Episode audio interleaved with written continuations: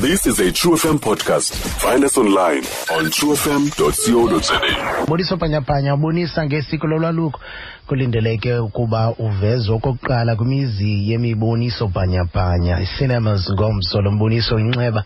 um sele uphumelele iimbasa ezimbini ze-best foreign film by the African American Film Critics Association kunye neBest Film kwi-International Queer and Migrant Film Festival eAmsterdam nangona inxeba liphakamisele phezulu iflag yoMzantsi Afrika kodwa apha ekhaya lomboniso wenza isankxwe nalapho iinkokeli zemveli zivakalise ingqumbo ngokuboniswa kwalo mboniso um nakumakhasi onxibelelwano ke izimvu ziyabethabethana ngoku kodwa kungokunje sinaye oncedise ekubhaleni lo mboniso inguye mnumzana umelusi bhengu nozawuthi asincokolele ngakumbi ngomba odibenisele kunye um nale filim um mnumzana ubhengu wamkelekile molo bhuti nabaphulaphula nkosi kakhulu ngoba ube kunye nathi ngale mina namhlanje um mandiqale ngowubuza eh ndifuna lento ithethwe nguwe abantu abaninzi bayayazi ukuba amabali abaliswa ngenjongo ezahlukeneyo ingaba eli ibali nilibalise nina ngenjongo ethini injongo yebali bhuti into yokuqala ndiyawuthanda umbuzo wakho bewubuza kwakhona wandikhumbuza ndisemncinci ngoba iqala pho le nto amabali sikhula ngawo and amabali anceda um impilo abantu abayiphilayo ngoku ke uthi xa sithi siyajonga um current situation in our society ukuba there is only ever one story about a black man told and there is only ever one type of uba indoda that is portrayed in stories you know and it became important njengababalisa amabali as you are saying to to try and tell a different type of story sityhile um eh, mhlawumbi ndingatsho amapheji esingekawafundi ngathi that is, is, is really the intention of the, of, of the story sir ndikuva kakuhle um abaninzi babone endaweni yale alternative story uza nayo babona ikukusingela phantsi isiko wena ke njengombhali eh uthini xa kukho uluvo olunjalo ngakumbi kumbo bedibendisele kunye ne-objectives zakho as you were encoding the message now that it is decoded in this manner ewe bhuti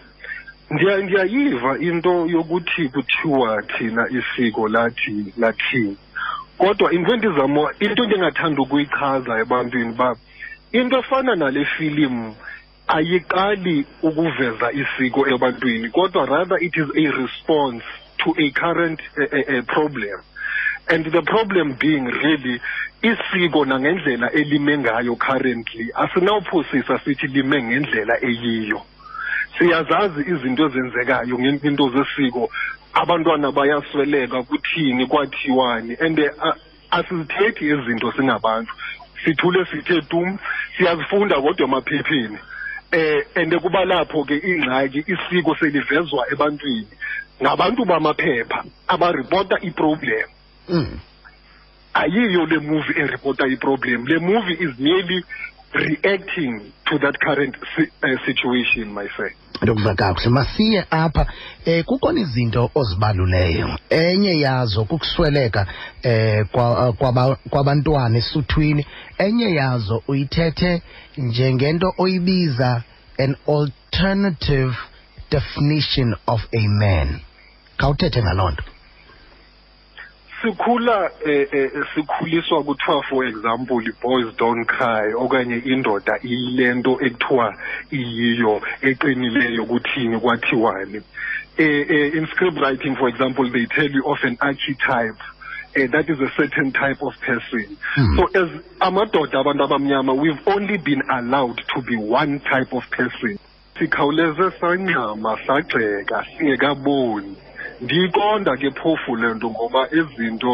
um culture and tradition eh, into zamasiko are things that are precious to us understandably so and these are things that we have come to define ourselves by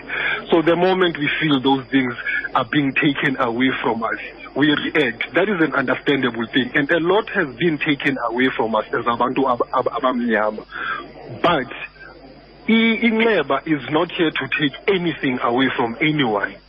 but rather it is to reveal and to educate and ukuxelela inyaniso bhuti it reveals more about the viewer than anything because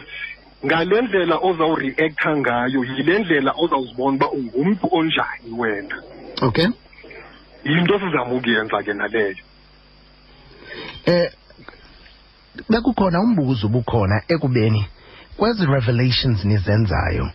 eh nakwezi problems nizirayizayo are there any solutions eh enincedisayo ekubeni kufikelelwe kuzo ekulungiseni isiko But uh, we, I, must be honest, indeed, uh, no one has even come close to discussing solutions because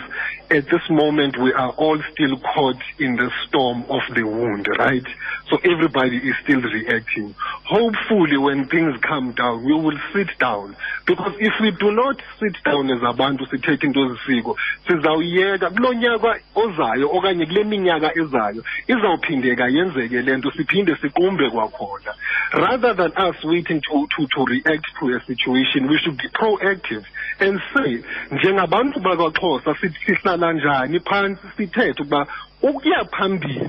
le nto funeka yenziwe ngolu hlobo mm. okanye olo hlobo so yafuneka ezo ntetho bhuti mm, ukuba ndikuva kakuhle you are saying enikwenzileyo nina nifane nabantu abantumeka umlilo or sparked a debate ukuze ke ngoku as i-society we respond accordingly that's all you can do as um, umuntu obalisa amabali bhuti hope uba ibali lakho lizawufika ebantwini and have some kind of reaction because without a reaction i think as a storyteller you have failed and this reaction is something that is unfortunately necessary Alright kubantu aba abanengqumbo okanye abakhubekileyo ngokwasemphefumulweni eh with the revelations eniza nazo ngaphambili kukhona neactions ezikhona eh, eh, eh kuhlatywa ikhwelo kuzo ekubeni makube khona ukuboycottwa eh kwe screening sale movie nithina nina nithini nina as movie makers I think everyone has a right to, to, to have an opinion, but unfortunately, abantu bane-opinion ngento abangakayibukeli. As I said, that, that, that then reveals your ignorance as, as, as someone, right? but ukuba izinto imuvi sizawuyibhena okanye akufunekanga ibonwe xa ungafuni ukuyibukela wena imuvi ungayibukeli ke kodwa ungathi imisebenzi yabantu iminyaka siyisebenza le nto uthi mayingadlali le nto irongo loo nto you cannot say that especially in a country like south africa sibuya kwezi nto sibuya kuzo as an artist i have freedom of expression ndiyabalisa ibali endifuna ukulibalisa ungathi ke wena njengomphulaphuli undixelele uba funeka ndibalise ntoni xa ungalithandi ibali lam itshintshe isitishi nkosi kakhulu tata ngoba ube kunye nathi ngale mini yanamhlanje